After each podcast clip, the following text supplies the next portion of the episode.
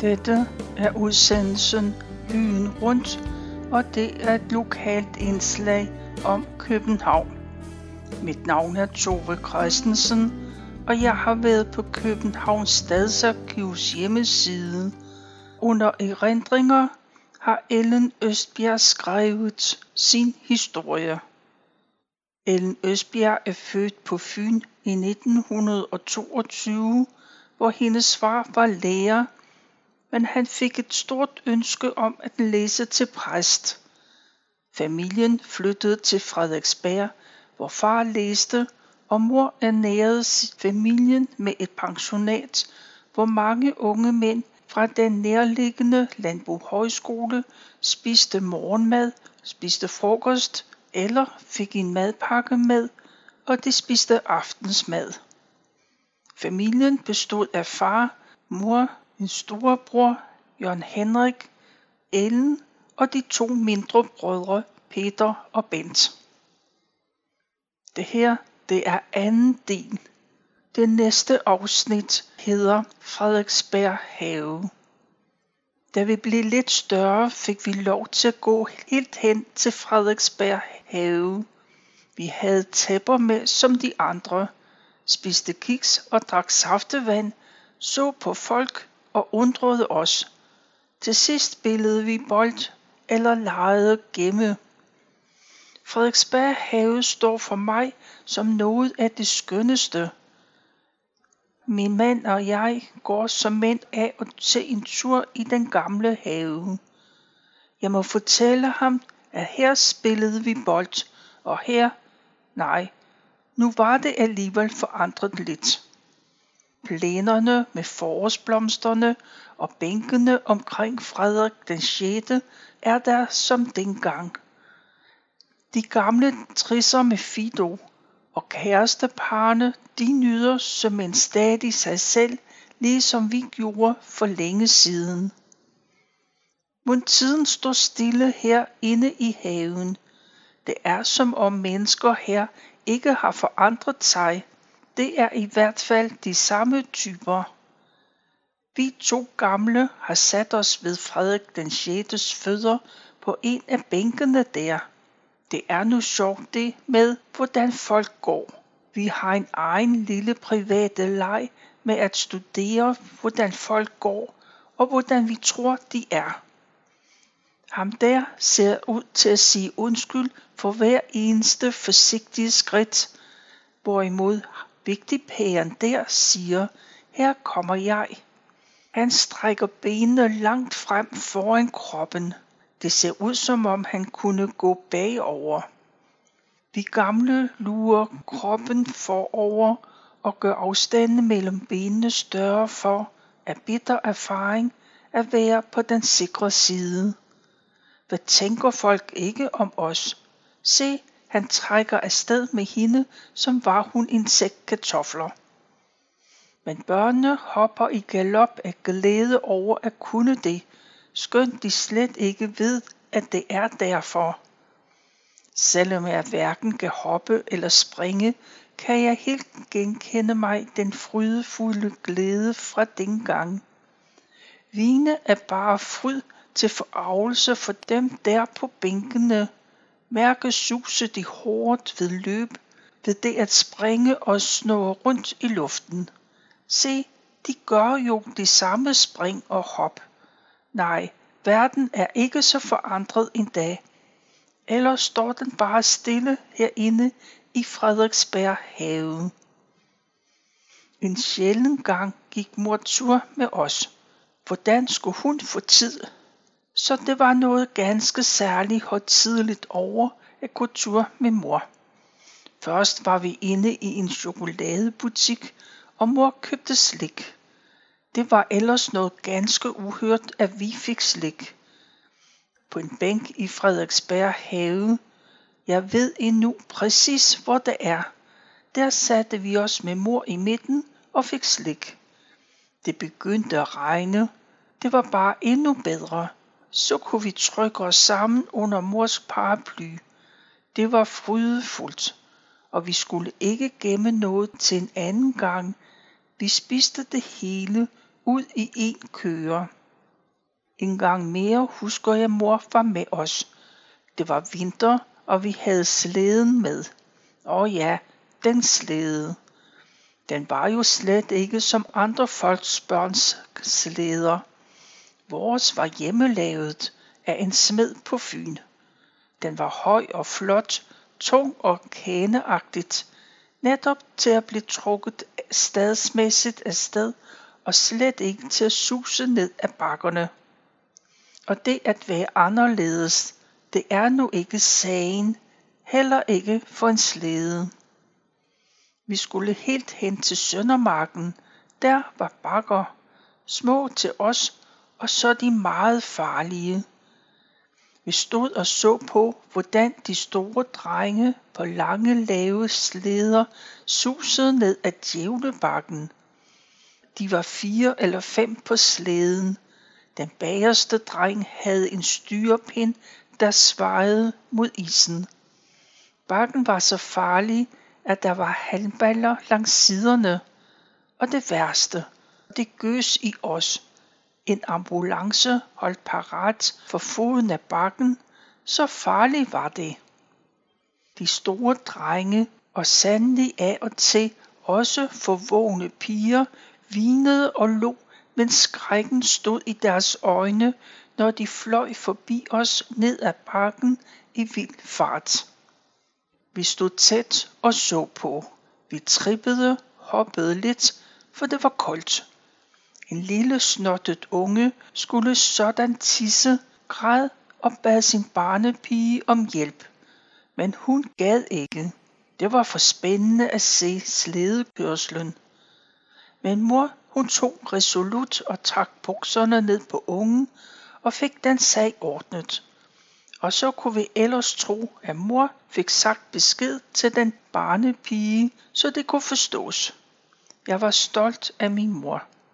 Jeg vidste, hvad det ville sige at tisse i bukserne, og særligt slemt en vinterdag. Den livsalige varme varede kun en stakket stund. Kulden og svigen er tilbage. At gå med far var også godt. Han ville gerne fortælle os Danmarks historie.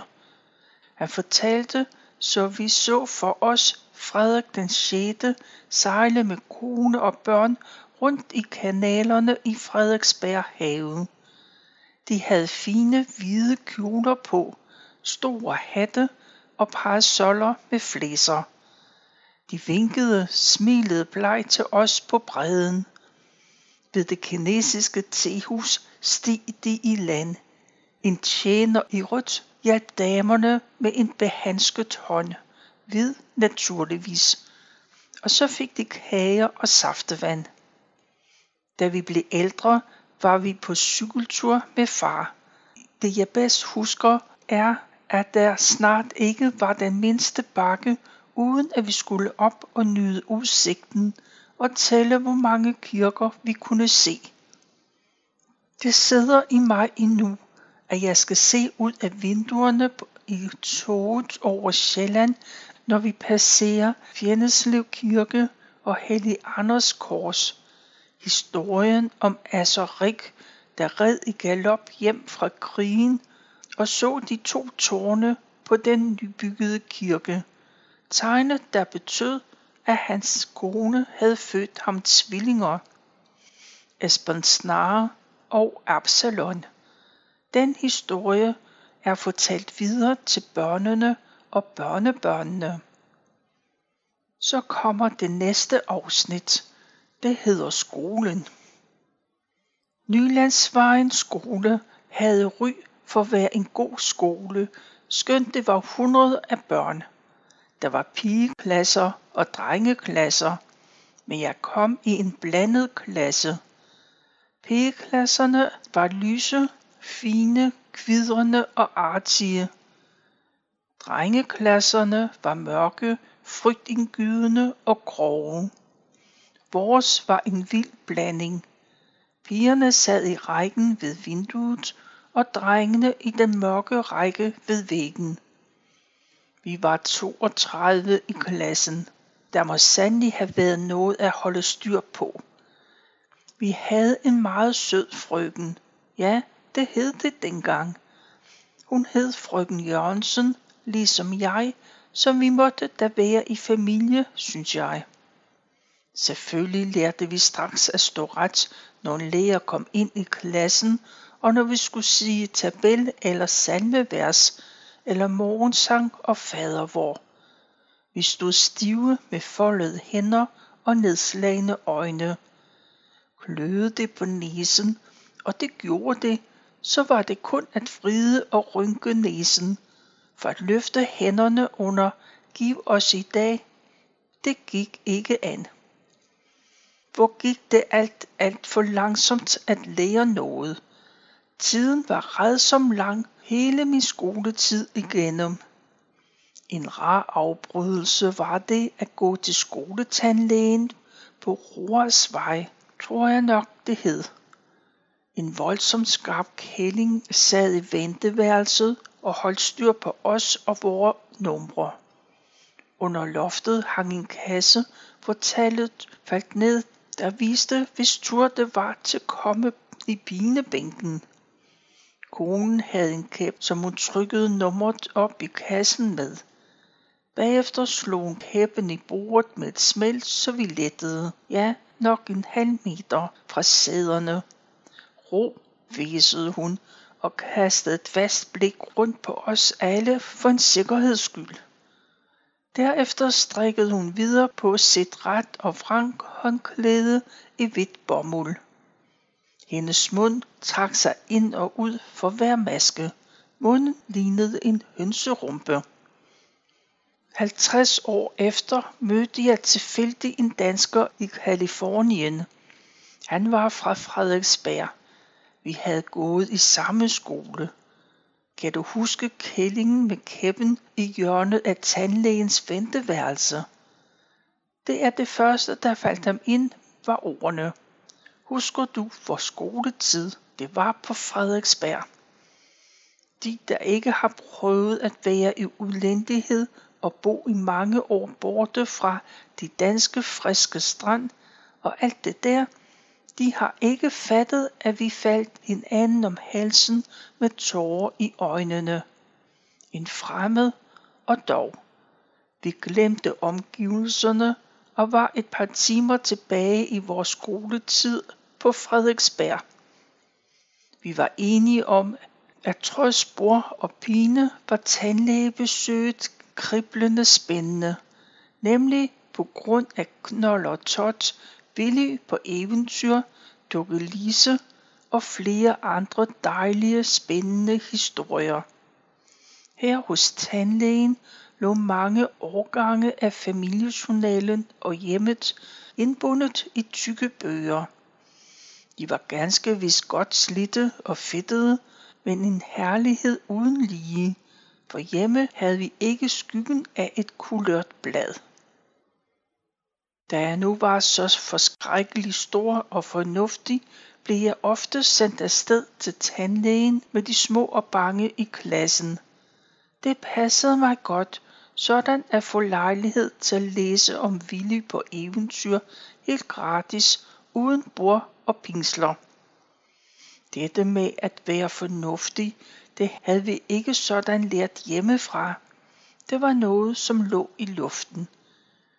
For eksempel, når jeg nu vidste, hvor skolen lå, hvorfor skulle far så spille tid med at følge mig i skole?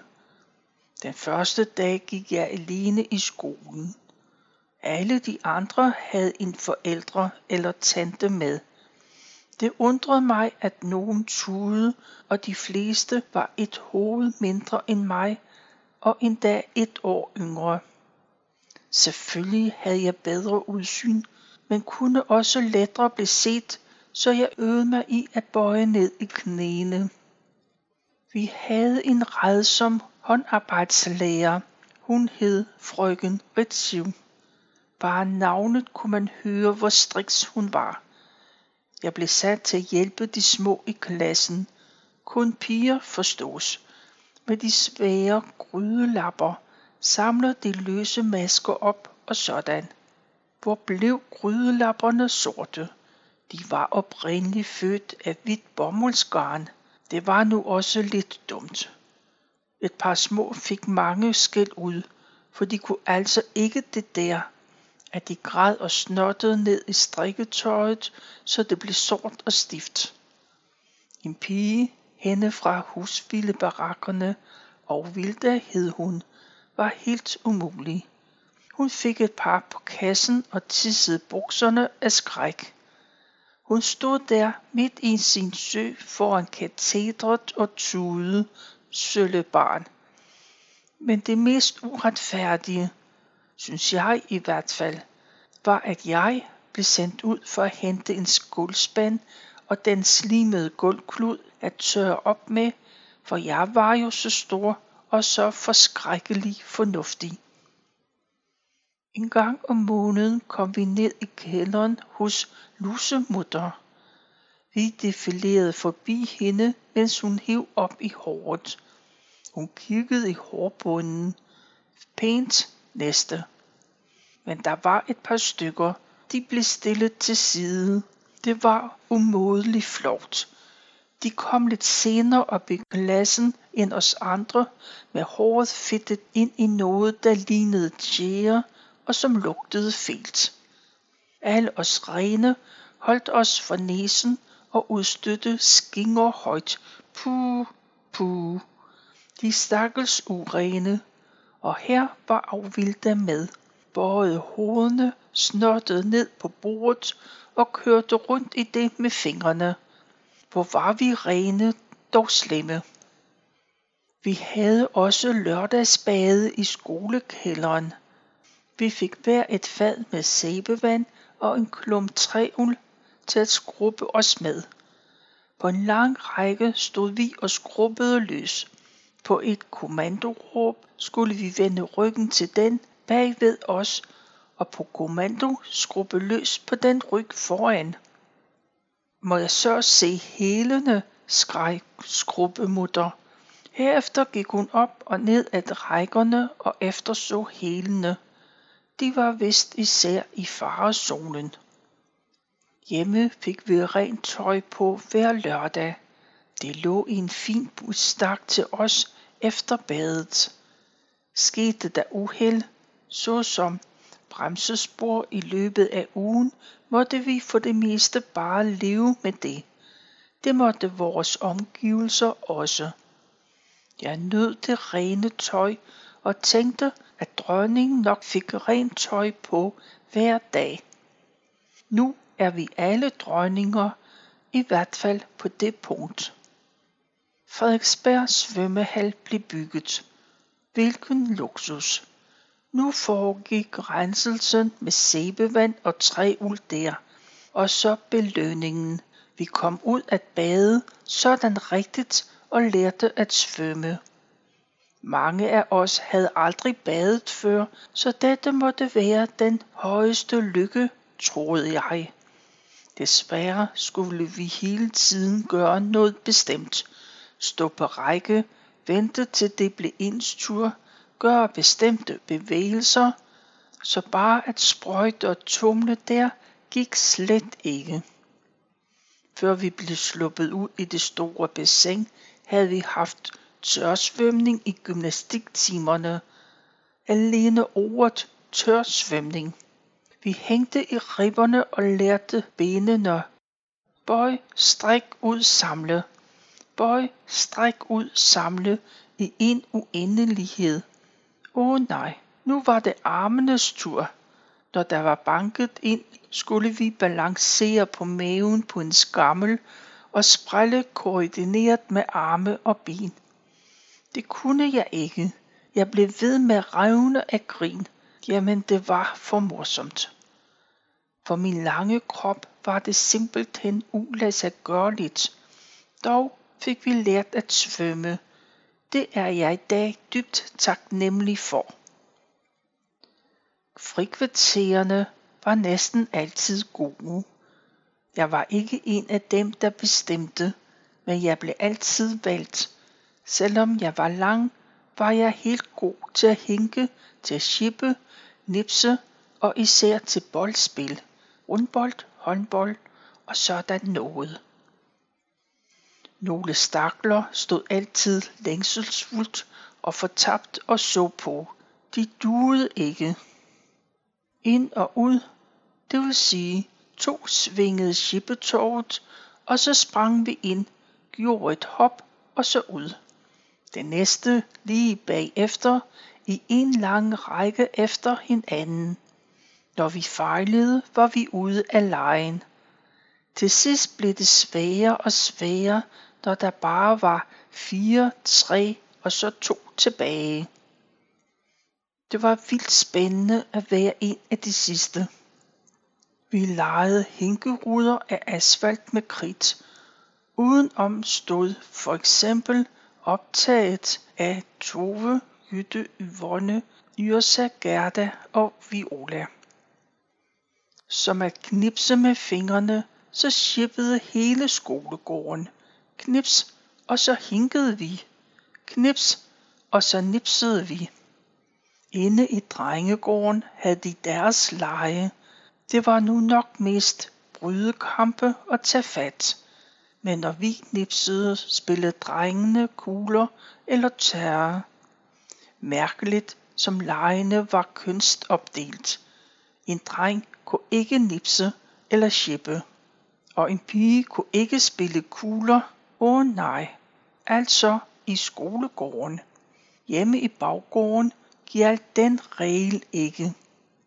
Disse under af nipsepuder, de fine havde alle fire kanter sat til med de foretrukne nåle med hoveder som kulørte glasblomster, som knold og tot, som dyr eller bare som farverige glaskugler. Resten af puden var dækket af almindelige nipsenåle, ordnet i fine mønstre. Som ved trylleslag dansede vi sangleje i hvert frikvarter, og så var Chippe og Hinke ydt. Hvem der bestemte, at nu skulle det være sådan, var et mysterium. Sådan var det bare, også i naboskolerne. Når det blev shippet, ja, så shippede alle skoler på Frederiksberg på samme tid. Vi kunne ret mange sangleje. Marie gik i enge og skulle skære strå. Så gik hun rundt inde i kredsen og samlede strå, og ridderen kom og dansede med hende. Så synger hun, at hun fik skin, når hun kom hjem, fordi hun har danset og ikke skåret strå. Ridderen synger, så tager vi en lille klud og binder om din tog og siger, du har skåret dig. Men pigen synger, jeg lærer mig blot at lyve, det står mig ikke an. Og det er da også rigtigt. Nu kommer det smukkeste smukke. Ridderen danser rundt med pigen og synger. Så sig en ridder elsker dig, åh oh, jeg elsker dig, ud i den grønne eng at være den udvalgte og svinge rundt i ringen, så kjolen står vandret ud i luften, og de rundt om giver kjolen et chat. Det var saligt. Tænk at have en rundskåret nederdel på og svinge den rundt. Jamen alle de glæder, man havde dengang. Vi dansede også munken går i engen. Napoleon var en tapper ridder og mange flere. Hvor kom de fra alle de sange, og hvor er de gået hen? Som børnehavelærerinde i liv, sådan hed det virkelig, skulle jeg til praktisk prøve i frøken Wulfs børnehave på Frederikshavn. Eleverne lavede et program for dagen, og alt hvad man gjorde af godt eller skidt, blev noteret i en sort voksdusbog. Der sad de så på række. Frøken Wulf, som var fra forrige århundrede, sad der endnu med rank ryg og høj frisyre. Det vil sige, der var arrangeret en fugleredeagtig afslutning øverst oppe. Hun havde en høj, højhalset kjole på, nok for yderligere at fremhæve den lange hals. Vi kom til punktet sangleje. Jeg gik vældigt op i lejen, glemte næsten, at jeg var til eksamen. Blandt andet legede vi munken går i engen. De små går rundt i kredsen og plukker af de blomster, alt til sin hjertens kær. Munken breder ud sin kappe så blå og beder skøn jomfru at knæle derpå. Børnene dansede og klappede til. Men, men, jeg skulle have min dom. Frøken Wolf hævede blikket over brillerne og svingede sine sorte bog i luften. Hvor kan det falde dem ind at lære de uskyldige små noget så usædeligt? Har de tænkt på, hvad munken foretog sig med bien i engen på kappen den blå? Nej, det havde ikke et sekund strejfet mig.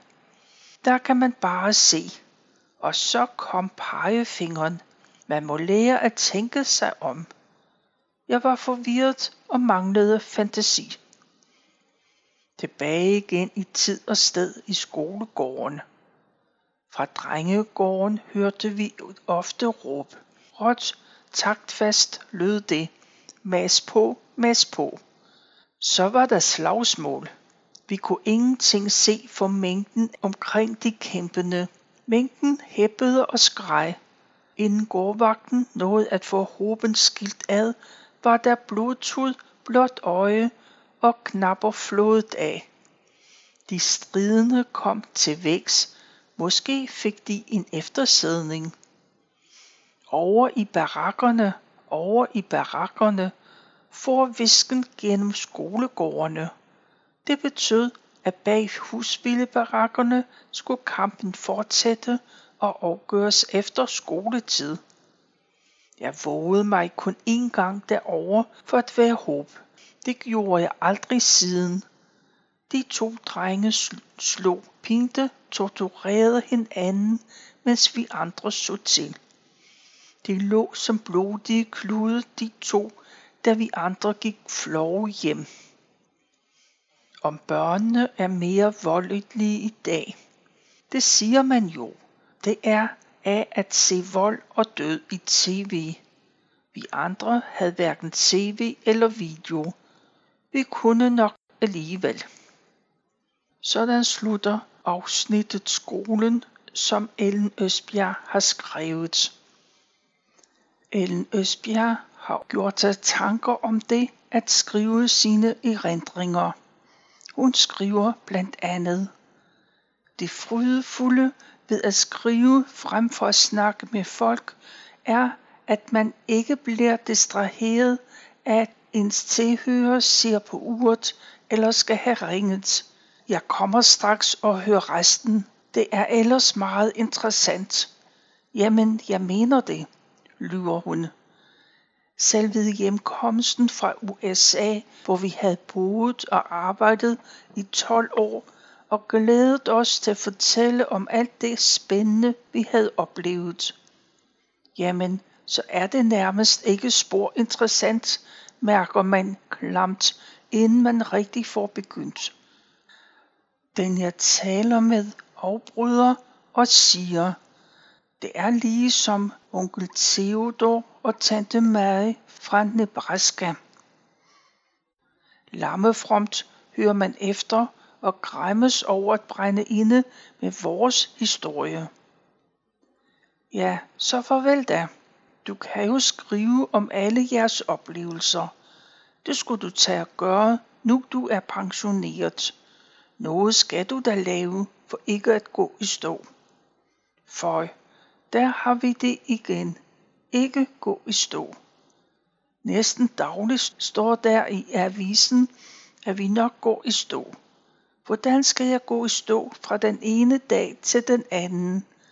Jeg er dog stadig mig, og du er dig. Der er bunker af bøger, der venter på at blive læst. Musik, der skal lyttes til. Vinduer, der skal males. Vi bliver aldrig færdige. Og så stabler af hvidt papir. Dejlig hvidt papir. Jeg når ikke mere for nu. Du kan læse hele Ellen Østbjergs erindring på kbharkiv.dk. Tilbage er det kun at sige tak for nu, og tak fordi du lyttede med.